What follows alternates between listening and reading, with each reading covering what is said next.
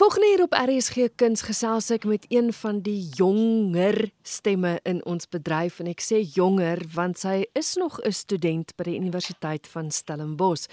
Dit is Francis Briwer met wie ek gesels. Francis, welkom op RSG Kuns. Baie dankie. Ons gesels oor 'n stuk van jou. Jy het die teks geskryf en jy doen ook die regie. 'n Stuk met die naam Stroop wat eersdaags te sien gaan wees by Toneelhuis. Vertel gou stroop, waar kom die hele konsep vandaan voor ons vir die luisteraars verduidelik wat hierdie stuk so anders maak? Ja, so ehm um, ek is verlief op verbatim teater en ehm um, wat verbatim teater basies is is jy doen onderhoude met mense of navorsing en dan baseer jy jou teks daarop. So ek het in my eerste jaar verbatim ontdek en ek het al van tevore een of twee verbatim stukke gedoen, maar toe besluit ek hierdie jaar wil ek bietjie meer eksperimenteel gaan en ek wil kyk of ek nie eintlik 'n verskil kan maak nie. So, ehm um, toe kom ek op met die idee van stroop en hoe dit 'n uh, baie eenvoudige woordjie is, maar hoe hierdie woord eintlik soveel stories en nostalgie, maar ook dringendheid by by baie mense uitlok. So ja, toe doen ek onderhoude met ehm um, my tannie wat deel is van Anchor Life.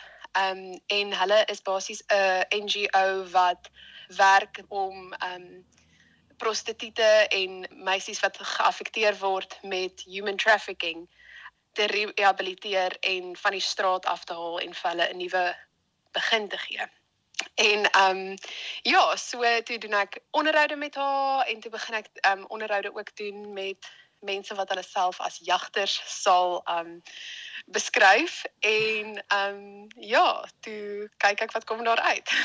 Ja, dit is my geweldig interessant. Verbatim teater dalk net vir die mense wat nie weet nie. Die die mense met wie jy die onderhoude voer, skryf eintlik die teks want die die karakters se teks is dit wat hulle fisies in die onderhoude gesê het, né? Ja, so ehm um, dit is dit is wat verbatim so moeilik. Ehm um, en ek dink dis hoekom baie mense dit nie eintlik doen nie. So ehm um, ja, my onderhoude wat ek gedoen het was seker 7, 8 kom ons sê dalk 10 ure se onderhoude gewees. En toe het ek ook 'n paar ehm um, artikels gelees rakende ja, hierdie ehm um, probleem in ons wêreld en in Suid-Afrika um tussen nou human trafficking en dierestropery. Dit ek hierdie bevindinge gevat en basies in 'n uh, in 'n teks omgesit. So die vier karakters, Mina, Clara, Karel en Alleman is dis samestellings van al hierdie mense wat ons rondom ons sien en hulle vertel dus die storie. So in die stuk al die woorde woord vir woord kom uit iemand se mond uit, kom uit 'n artikel uit. Ehm um, so ek het nie die stuk saam geskryf nie. Ek sê uh, gewoonlik ek is die samesteller van die teks eerder as die skrywer van die teks. Mm, mm. Ehm um, ja. So gelooflik is so ernstige tema soos jy sê diere stropery, prostitusie, mense wat vasgeval word in in in mensehandel die titel stroop, dit strek soveel wyeer. Jy kyk eintlik ook na die verskillende betekenisse van stroop, né? Yes. Ja, so ehm um, in stroop het ons eintlik 4 stories en 4 weergawe van die woord wat eintlik uitspeel. So natuurlik het ons diere stropery en dan ook die stroop van mense. Ehm um, maar dan kyk ons ook na stroop en hoe hoe nostalgies die woord dit eintlik vir soveel van ons is um in terme van ons kinderjare en mm. oumas wat wat stroop kook um en peanut butter en stroop en hoe dit eintlik sulke ikoniese deel van ons almal se lewens is en hoe dit dikwels oorge oorgekyk word mens mens dink dit is hierdie oppervlakkige woord maar as mens dieper delf en dit kom dan uit by the stroop effect wat juist daarna kyk hoe die mens dikwels die oppervlakkige wil raak sien en nie wil kyk na na die dieper betekenisse van die woord en van die alledaagse nie. En dis eintlik wat dit so ongelooflike stuk maak. Jy het aan die begin gesê wat jy wat jy regtig 'n verskil wou maak want deur die teks laat jy mense anders kyk na hierdie ernstige kwessies in ons samelewing. Ja, ja. Jy vat eksperimentele teater klein bietjie verder, ook sensoriese teater. Verduidelik gou-gou want die gehoor sit in die ronde, maar daar's ander dinge wat ook gebeur.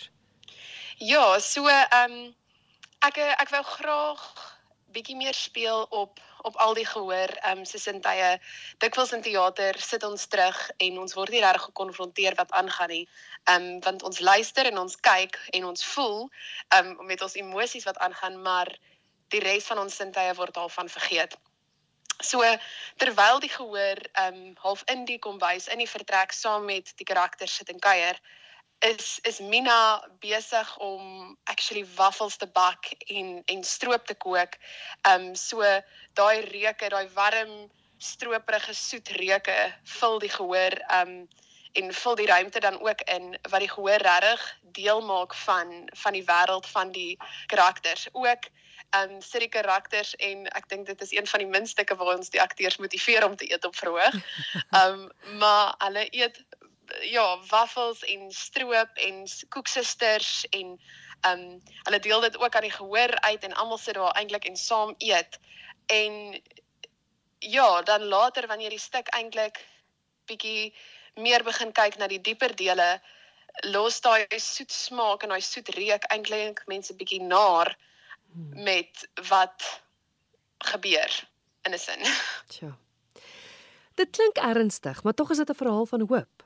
Ja, so dit was vir my baie belangrik um dikwels as mens mens dink aan hierdie aan hierdie meisies en dink aan die mense wat se lewens deur menshandel geaffekteer word, wil mens hulle as tragies sien en en mens wil nie regtig vir hulle 'n ander deel van identiteit gee nie. Dit raak dikwels die hulle hulle identiteit. So al is hulle jare lank al gerehabiliteer en en uit prostitusie uit in mense agterkop is dit maar kyk waardeur is sy al. Kyk dit was sy. So dit was vir my belangrik om in die stuk te wys dat ja hierdie goed gebeur en dit is sleg, maar daar is hoop. Dit was vir my belangrik om nie mense te los want in ons proses ons um, met my akteurs het ons baie keer gevoel wel ons ons ons werk nou hiermee maar wat se verskil gaan ons eintlik kan maak? Dis nie asof ons al die meisies kan red en um al die kinders wat daarmee geaffekteer word kan beskerm teen dit nie. Maar op die ou einde was dit belangrik om te wys dat organisasies en bewusmaking kan eintlik hierdie meisies help en kan hierdie kinders eintlik help om nog steeds hulle drome te bewaarheid en nog steeds ja, af van die straat af te kom en regtig op te hou dink aan die my survival en hoe ek gaan oorleef, maar eerder wat kan ek doen om nou te droom? Ja. Nardus Engelbreg van Toneelhuis het die stuk onder my aandag gebring want hy sê alhoewel dit 'n studenteproduksie is, is dit so 'n wonderlike teater van hoop om te wys dat die jonger stemme, soos ek aan die begin gesê het, regtig deur teater 'n verskil kan maak. So, dit is fantasties en ek wil regtig die gehoor aanmoedig om al is dit 'n studenteproduksie te gaan kyk want dit klink vir my jy het groot planne vir die toekoms. Sê gou vir my wanneer so, is julle te sien en en hoe maak luisteraars om kaartjies in die hande te kry? Ons gaan ehm um, die 25ste September tot die 2de Oktober ehm um, is ons te sien by Toneelhuis. Dit is in Short Market Straat in die Commerce House op die 6de vloer en ja, so dit is in die Kaap net om die draai van ehm um, van Kloof en Langstraat. Ja, jy kan op webtickets kaartjies kry. Kaartjies is ook beskikbaar by die deur, maar aangesien die spasie baie klein is en intiem, is daar beperkte kaartjies. So ja.